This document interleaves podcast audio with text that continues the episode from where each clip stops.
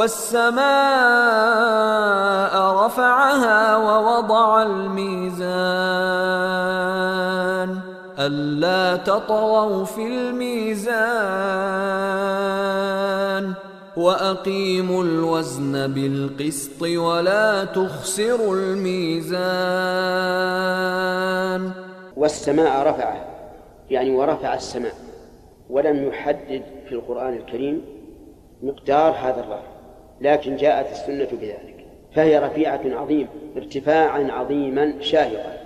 ووضع الميزان أي وضع العدل والدليل على أن المراد الميزان هنا العدل قوله تبارك وتعالى لقد أرسلنا رسلنا بالبينات وأنزلنا معهم الكتاب والميزان. يعني العدل. وليس المراد بالميزان هنا الميزان ذا الكفتين المعروف لا. المراد الميزان العدل. ومعنى وضع الميزان أي أثبته للناس ليقوموا بالقسط أي بالعدل. ألا تطغوا في الميزان يعني ألا تطغوا في العدل.